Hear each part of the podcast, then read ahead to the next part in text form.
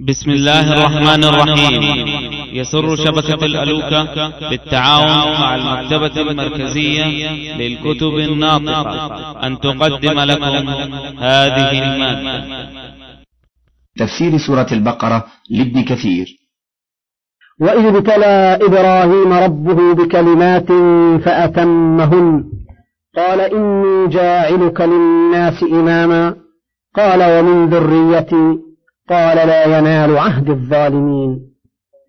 يقول تعالى منبها على شرف إبراهيم خليله عليه السلام وأن الله تعالى جعله إماما للناس يقتدى به في التوحيد حين قام بما كلفه الله تعالى به من الأوامر والنواهي. ولهذا قال وإذ ابتلى إبراهيم ربه بكلمات أي واذكر يا محمد لهؤلاء المشركين وأهل الكتاب الكتابين اللذين يمتحنون ملة إبراهيم وليسوا عليها وإنما الذي هو عليها مستقيم فأنت والذين معك من المؤمنين.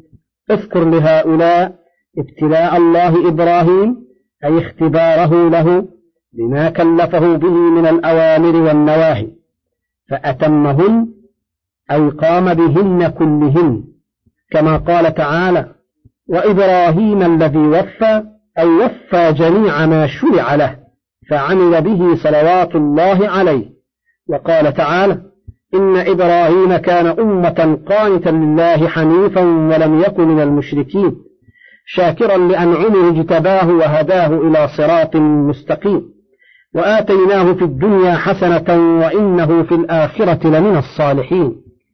ثم أوحينا إليك أن اتبع ملة إبراهيم حنيفا وما كان من المشركين. وقال تعالى قل إنني هداني ربي إلى صراط مستقيم دينا قيما ملة إبراهيم حنيفا وما كان من المشركين. وقال تعالى ما كان إبراهيم يهوديا ولا نصرانيا ولكن كان حنيفا مسلما وما كان من المشركين. إن أولى الناس بإبراهيم للذين اتبعوا وهذا النبي والذين آمنوا والله ولي المؤمنين. وقوله تعالى بكلمات أي بشرائع وأوامر ونواه فإن الكلمات تطلق ويراد بها الكلمات القدرية كقوله تعالى عن مريم عليها السلام وصدقت بكلمات ربها وكتبه وكانت من القانتين وتطلق ويراد بها الشرعية كقوله تعالى وتمت كلمة ربك صدقا وعدلا أي كلماته الشرعية وهي إما خبر صدق وإما طلب عدل إن كان أمرا أو نهيا. ومن ذلك هذه الآية الكريمة وإذ ابتلى إبراهيم ربه بكلمات فأتمهن أي قام بهن قال إني جاعلك للناس إماما أي جزاء على ما فعل كما قام بالأوامر وترك الزواجر جعله الله للناس قدوة وإماما يقتدى به ويحتذى حذره. وقد اختلف في تعيين الكلمات التي اختبر الله بها إبراهيم الخليل عليه السلام فروي عن ابن عباس في ذلك روايات. فقال عبد الرزاق عن معمر عن قتادة قال ابن عباس ابتلاه الله بالمناسك وكذا رواه أبو إسحاق السبيعي عن التميمي عن ابن عباس وقال عبد الرزاق أيضا أخبرنا معمر عن ابن طاووس عن أبيه عن ابن عباس وإذ ابتلى إبراهيم ربه بكلمات قال ابتلاه بالطهارة خمس في الرأس وخمس في الجسد. في الرأس قص الشارب والمضمضة والاستنشاق والسواك وفرق الرأس. وفي الجسد تقليم الأظفار وحلق العانة والختان ونتف الإبط وغسل أثر الغائط والبول بالماء. وقال ابن أبي حاتم وروي عن سعيد بن المسيب ومجاهد والشعبي والنخعي وأبي صالح وأبي الجلد نحو ذلك. قلت وقريب من هذا ما ثبت في صحيح مسلم عن عائشة رضي الله عنها قالت قال رسول الله صلى الله عليه وسلم عشر من الفطرة قص الشارب وإعفاء اللحية والسواك واستنشاق الماء وقص الأظفار وغسل البراجم ونتف الإبط وحلق العانة وانتقاص الماء ونسيت العاشرة إلا أن تكون المضمضة. قال وكيع انتقاص الماء يعني الاستنجاء. وفي الصحيحين عن أبي هريرة عن النبي صلى الله عليه وسلم قال الفطرة خمس الختان والاستحداد وقص الشارب وتقليم الأظفار ونتف الإبط ولفظه لمسلم. وقال ابن أبي حاتم أنبأنا يونس بن عبد الأعلى قراءة أخبرنا ابن وهب أخبرنا ابن لهيعة عن ابن هبيرة عن حنش بن عبد الله الصنعاني عن ابن عباس أنه كان يقول في تفسير هذه الآية وإذ ابتلى إبراهيم ربه بكلمات فأتمهن قال عشر ست في الإنسان وأربع في المشاعر فأما التي في الإنسان حلق العانة ونتف الإبط والختان وكان ابن هبيرة يقول هؤلاء الثلاثة واحدة وتقليم الأظفار وقص الشارب والسواك وغسل, وغسل يوم الجمعة والأربعة التي في المشاعر الطواف والسعي بين الصفا والمروة ورمي الجمار والإفاضة. وقال داود بن أبي هند عن عكرمة عن ابن عباس أنه قال ما ابتلي بهذا الدين أحد فقام به كله إلا إبراهيم. قال الله تعالى وإذ ابتلى إبراهيم ربه بكلمات فأتمهن. قلت له وما الكلمات التي ابتلى الله إبراهيم بهن فأتمهن؟ قال الإسلام ثلاثون سهما منها عشر آيات في براءة. التائبون العابدون إلى آخر الآية. وعشر آيات في أول سورة قد أفلح المؤمنون. وسأل سائل بعذاب واقع. وعشر آيات في الأحزاب. إن المسلمين والمسلمات إلى آخر الآية. فأتمهن كلهن. فكتبت له براءة. قال الله وإبراهيم الذي وفى هكذا رواه الحاكم وأبو جعفر بن جرير وأبو محمد بن أبي وأبو محمد بن ابن أبي حاتم بأسانيدهم إلى داود بن أبي هند به. وهذا لفظ ابن أبي حاتم. وقال محمد بن إسحاق عن محمد بن أبي محمد عن سعيد أو عكرمة عن ابن عباس قال الكلمات التي ابتلى الله بهن إبراهيم فأتمهن فراق قومه في الله حين أمر بمفارقتهم ومحاجته نمرود في الله حين وقفه على ما حين وقفه على ما وقفه عليه من خطر الأمر الذي فيه خلافه. وصبره على قفه إياه في النار ليحرقوه في الله على هول ذلك من أمرهم والهجرة بعد ذلك من وطنه وبلاده في الله حين أمره بالخروج عنهم وما أمره به من الضيافة والصبر عليها بنفسه وماله وما ابتلي به من ذبح ابنه حين أمره بذبحه فلما مضى على ذلك من الله كله وأخلصه للبلاء قال الله له أسلم قال أسلمت لرب العالمين على ما كان من خلاف الناس وفراقهم. وقال ابن أبي حاتم أخبرنا أبو سعيد الأشج أخبرنا إسماعيل بن علية عن أبي رجاء عن الحسن يعني البصري وإذ ابتلى إبراهيم وإذ ابتلى إبراهيم ربه بكلمات فأتمهن قال ابتلاه بالكوكب فرضي عنه وابتلاه بالقمر فرضي عنه. وابتلاه بالشمس فرضي عنه وابتلاه بالهجرة فرضي عنه وابتلاه بالختان فرضي عنه وابتلاه بابنه فرضي عنه. وقال ابن جرير أخبرنا بشر بن معاذ أخبرنا يزيد بن زريع أخبرنا سعيد عن قتادة قال كان الحسن يقول أي والله لقد ابتلاه بأمر فصبر عليه.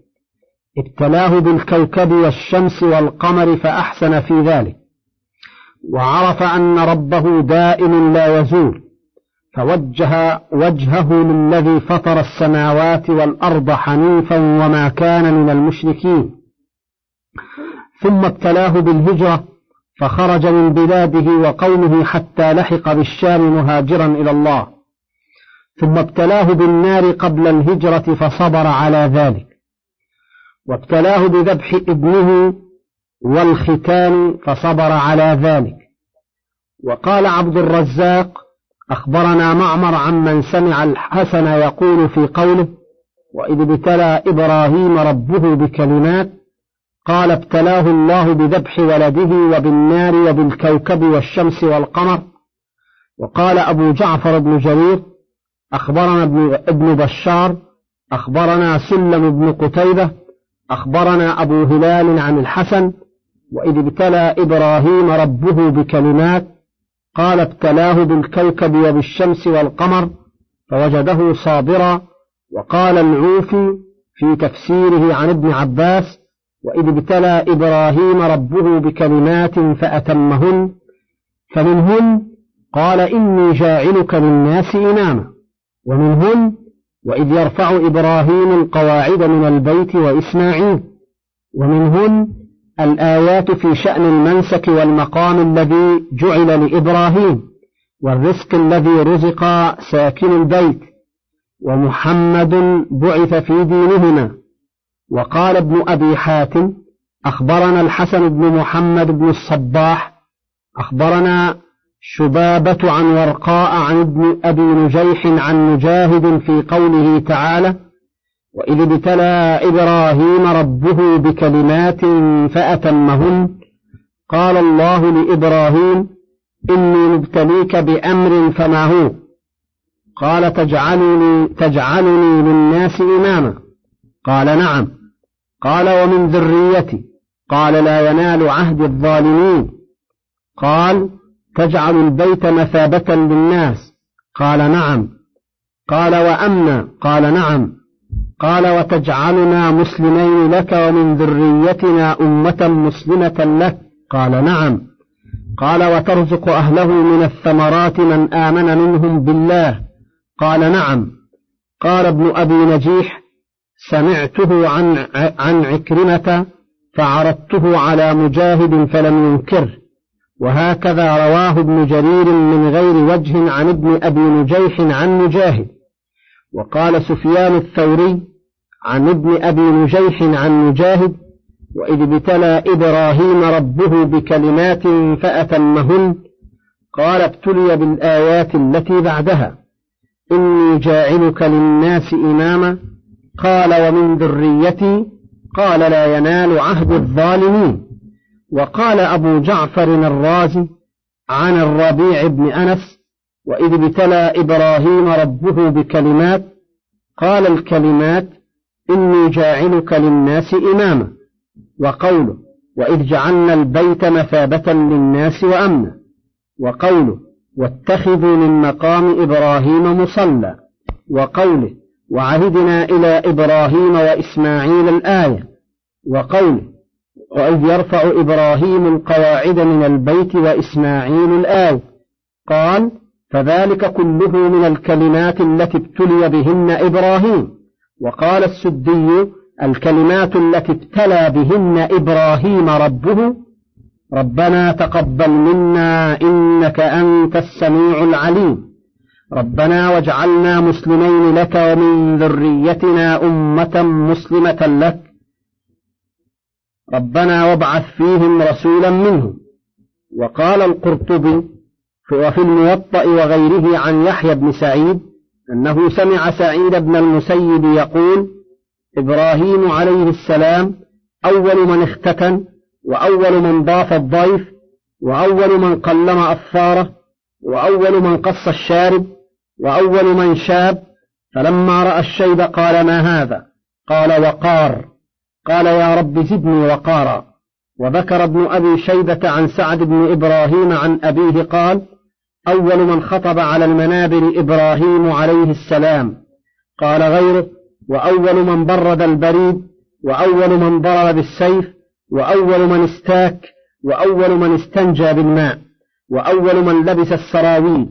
وروي عن معاذ بن جبل قال قال رسول الله صلى الله عليه وسلم إن إن أتخذ المنبر فقد اتخذه أبي إبراهيم وإن أتخذ العصا فقد اتخذها أبي إبراهيم. قلت هذا حديث لا يثبت والله أعلم. ثم شرع القرطبي يتكلم على ما يتعلق بهذه الأشياء من الأحكام الشرعية. قال أبو جعفر بن جرير ما حاصله؟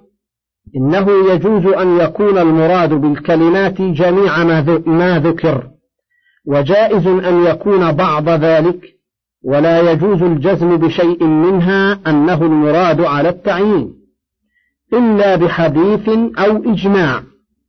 قال ولم يصح في ذلك خبر بنقل الواحد ولا بنقل الجماعة الذي يجب التسليم له قال غير أنه قد روي عن النبي صلى الله عليه وسلم في نظير معنى ذلك خبران. أحدهما ما حدثنا به أبو كريب أخبرنا راشد بن سعد حدثني زبان بن فائد عن سهل بن معاذ بن أنس قال كان النبي صلى الله عليه وسلم يقول ألا أخبركم لما سمى الله إبراهيم خليله؟ الذي وفى لأنه كان يقول كلما أصبح وكلما أمسى سبحان الله حين تمسون وحين تصبحون وله الحمد في السماوات والأرض وعشيا وحين تظهرون. إلى آخر الآية. قال والآخر منهما ما حدثنا به أبو كريم أخبرنا الحسن عن عطية أخبرنا إسرائيل عن جعفر بن الزبير عن القاسم عن أبي أمامة قال قال رسول الله صلى الله عليه وسلم وإبراهيم الذي وفى قال أتدرون ما وفى؟ قالوا الله ورسوله أعلم. قال وفي عمل يومه أربع ركعات في النهار ورواه آدم في تفسيره عن حماد بن سلمة وعبد بن حميد عن يونس بن محمد عن حماد بن سلمة عن جعفر بن الزبير به ثم شرع ابن جرير يضعف هذين الحديثين وهو كما قال فإنه لا يجوز روايتهما إلا ببيان ضعفهما وضعفهما من وجوه عديدة فإن كلا من السندين مشتمل على غير واحد من الضعفاء مع ما في متن الحديث مما يدل على ضعفه والله أعلم. ثم قال ابن جرير ولو قال قائل إن الذي قاله مجاهد وأبو صالح والربيع بن أنس أولى بالصواب من القول الذي قاله غيرهم كان مذهبا لأن قوله إني جاعلك للناس إماما وقوله وعهدنا إلى إبراهيم وإسماعيل أن طهر بيتي للطائفين الآية وسائر الآيات التي هي نظير ذلك كالبيان عن الكلمات التي ذكر الله أنه ابتلى بهن إبراهيم. قلت والذي قاله أولا من أن الكلمات تشمل جميع ما ذكر أقوى من هذا الذي جوزه من قول مجاهد ومن قال مثله لأن السياق يعطي غير ما قالوه والله أعلم. وقوله قال ومن ذريتي قال لا ينال عهد الظالمين. لما جعل الله إبراهيم إماما سأل الله أن تكون الأئمة من بعده من ذريته فأجيب إلى ذلك وأخبر أنه سيكون من ذريته ظالمون وأنه لا ينالهم عهد الله ولا يكونون أئمة فلا يقتدى بهم. والدليل على أنه أجيب إلى طلبته قوله تعالى في سورة العنكبوت وجعلنا في ذريته النبوة والكتاب فكل نبي أرسله الله وكل كتاب أنزله الله بعد إبراهيم ففي ذريته صلوات الله وسلامه عليه. وأما قوله تعالى قال لا ينال عهد الظالمين فقد اختلفوا في ذلك فقال خصيف عن مجاهد في قوله قال لا ينال عهد الظالمين قال إنه سيكون في ذريتك ظالمون. وقال ابن أبي نجيح عن مجاهد قال لا ينال عهد الظالمين. قال لا يكون لي إمام ظالم وفي رواية لا أجعل إماما ظالما يقتدى به. وقال سفيان عن منصور عن مجاهد في قوله تعالى قال لا ينال عهد الظالمين. قال لا يكون إمام ظالم يقتدى به. وقال ابن أبي حاتم أخبرنا أبي أخبرنا مالك بن إسماعيل أخبرنا شريك عن منصور عن مجاهد في قوله ومن ذريتي؟ قال أما من كان منهم صالحا فأجعله إماما يقتدى به وأما من كان ظالما فلا ولا نعمة عين. وقال سعيد بن جبير لا ينال عهد الظالمين المراد به المشرك. لا يكون إمام ظالم يقول لا يكون إمام مشرك. وقال ابن جريج عن عطاء قال إني جاعلك للناس إماما. قال ومن ذريتي. فأبى أن يجعل من ذريته إماما ظالما. قلت لعطاء ما عهده قال أمره. وقال ابن أبي حاتم أخبرنا عمرو بن ثور القيساري فيما كتب إلي أخبرنا الفريابي حدثنا إسماعيل حدثنا سماك بن حرب عن عكرمة عن ابن عباس قال قال قال الله لإبراهيم إني جاعلك للناس إماما قال ومن ذريتي فأبى أن يفعل ثم قال لا ينال عهد الظالمين. وقال محمد بن إسحاق عن محمد بن أبي محمد عن سعيد أو عكرمة عن ابن عباس قال ومن ذريتي قال لا ينال عهد الظالمين.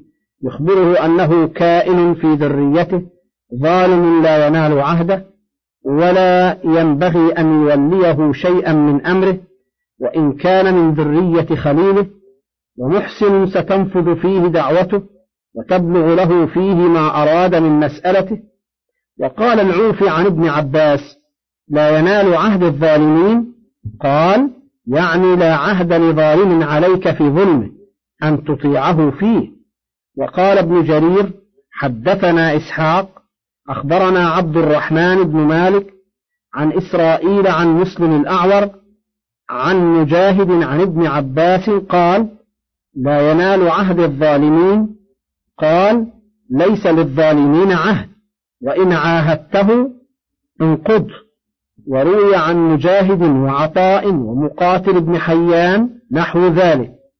وقال الثوري عن هارون بن عنترة عن أبيه قال ليس لظالم عهد.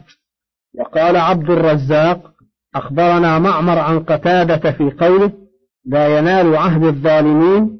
قال لا ينال عهد الله في الآخرة الظالمين. فأما في الدنيا فقد ناله الظالم فآمن به وأكل وعاش. وكذا قال إبراهيم النخعي وعطاء والحسن وعكرمة. وقال الربيع بن أنس عهد الله الذي عهد إلى عباده دينه. يقول لا ينال دينه الظالمين. ألا ترى أنه قال وباركنا عليه وعلى إسحاق ومن ذريتهما محسن وظالم لنفسه مبين. يقول ليس كل ذريتك يا إبراهيم على الحق. وكذا روي عن أبي العالية وعطاء ومقاتل بن حيان. وقال جويبر عن الضحاك لا ينال طاعتي عدو لي يعصيني ولا أنحلها إلا وليا لي يطيعني. وقال الحافظ أبو بكر بن مردوي أخبرنا عبد الرحمن بن محمد بن حامد أخبرنا أحمد بن عبد الله بن سعيد الدامغاني أخبرنا وكيع عن الأعمش عن سعيد بن عبيدة عن أبي عبد الرحمن السلمي عن علي بن أبي طالب عن النبي صلى الله عليه وسلم قال لا ينال عهد الظالمين قال لا طاعة إلا في المعروف وقال السدي لا ينال عهد الظالمين يقول عهدي نبوتي. فهذه أقوال مفسر السلف في هذه الآية على ما نقله ابن جرير وابن أبي حاتم رحمهما الله تعالى. واختار ابن جرير أن هذه الآية وإن كانت ظاهرة في الخبر أنه لا ينال عهد الله بالإمامة ظالما ففيها إعلام من الله لإبراهيم الخليل عليه السلام أنه سيوجد من ذريتك من هو ظالم لنفسه كما تقدم عن مجاهد وغيره والله أعلم. وقال ابن خويز من داد المالكي الظالم لا يصلح أن يكون خليفة ولا حاكما ولا مفتيا ولا شاهدا ولا راويا. وإذ جعلنا البيت مثابة للناس وأمنا واتخذوا من مقام إبراهيم مصلى. قال العوفي عن ابن عباس قوله تعالى وإذ جعلنا البيت مثابة للناس يقول لا يقضون فيه وطرا يأتونه ثم يرجعون إلى أهليهم ثم يعودون إليه. وقال علي بن أبي طلحة عن ابن عباس مثابة للناس يقول يثوبون رواهما ابن جرير. وقال ابن أبي حاتم أخبرنا أبي أخبرنا عبد الله بن رجاء أخبرنا إسرائيل عن مسلم عن مجاهد عن ابن عباس في قوله تعالى وإذ جعلنا البيت مثابة للناس قال يثوبون إليه ثم يرجعون. قال وروي عن أبي العالية وسعيد بن جبير في رواية وعطاء ومجاهد والحسن وعطية والربيع بن أنس والضحاك نحو ذلك. وقال ابن جرير حدثني عبد الكريم بن أبي عمير حدثني الوليد بن مسلم قال قال أبو عمرو يعني الأوزاعي حدثني عبدة بن أبي لبابة في قوله تعالى وإذ جعلنا البيت مثابة للناس قال لا ينصرف عنه منصرف وهو يرى أنه قد قضى منه وطرا. وحدثني يونس عن ابن وهب قال قال ابن زيد وإذ جعلنا البيت مثابة للناس قال يثوبون إليه من البلدان كلها ويأتونه. وما أحسن ما قال الشاعر في هذا المعنى أورده القرطبي جعل البيت مثابا لهم ليس منه الدهر يقضون الوطر. وقال سعيد بن جبير في الرواية الأخرى وعكرمة وقتادة وعطاء الخراسان مثابة للناس أي مجمعا. وأمنا قال الضحاك عن ابن عباس أي أمنا للناس. وقال أبو جعفر الرازي عن الربيع بن أنس عن أبي العالية وإذ جعلنا البيت مثابة للناس وأمنا يقول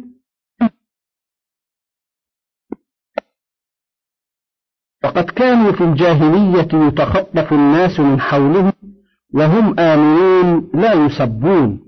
وروي عن مجاهد وعطاء والسدي وقتادة والربيع بن أنس قالوا من دخله كان آمنا. ومضمون ما فسر به هؤلاء الأئمة هذه الآية أن الله تعالى يذكر شرف البيت وما جعله موصوفا به شرعا وقدرا من كونه مثابة للناس. أي جعله محلا تشتاق إليه الأرواح وتحن إليه ولا تقضي منه وطرا. ولو ترددت إليه كل عام استجابة من الله تعالى لدعاء خليله إبراهيم عليه السلام في قوله فاجعل أفئدة من الناس تهوي إليهم إلى أن قال ربنا وتقبل دعائي. ويصفه تعالى بأنه جعله أمنا من دخله أمن ولو كان قد فعل ما فعل ثم دخله كان آمنا. وقال عبد الرحمن بن زيد بن أسلم كان الرجل يلقى قاتل أبيه أو أخيه فيه فلا يعرض له كما وصف في سورة المائدة بقوله تعالى جعل الله الكعبة البيت الحرام قياما للناس أي يدفع عنهم بسبب تعظيمها السوء كما قال ابن عباس لو لم يحج الناس هذا البيت لأطبق الله السماء على الأرض وما هذا الشرف إلا لشرف بانيه أولا وهو خليل الرحمن كما قال تعالى وإذ بوأنا لإبراهيم مكان البيت ألا تشرك بي شيئا وقال تعالى إن أول بيت وضع للناس للذي ببكة مباركا وهدى للعالمين. فيه آيات بينات مقام إبراهيم ومن دخله كان آمنا. وفي هذه الآية الكريمة نبه على مقام إبراهيم مع الأمر بالصلاة عنده. فقال واتخذوا من مقام إبراهيم مصلى وقد اختلف المفسرون في المراد بالمقام ما هو. فقال ابن أبي حاتم أخبرنا عمرو بن شبة النميري حدثنا أبو أبو خلف يعني عبد الله بن عيسى أخبرنا داود بن أبي هند عن مجاهد عن ابن عباس واتخذوا من مقام إبراهيم مصلى قال مقام إبراهيم الحرم كله وروي عن مجاهد وعطاء مثل ذلك. من فضلك تابع بقية المادة.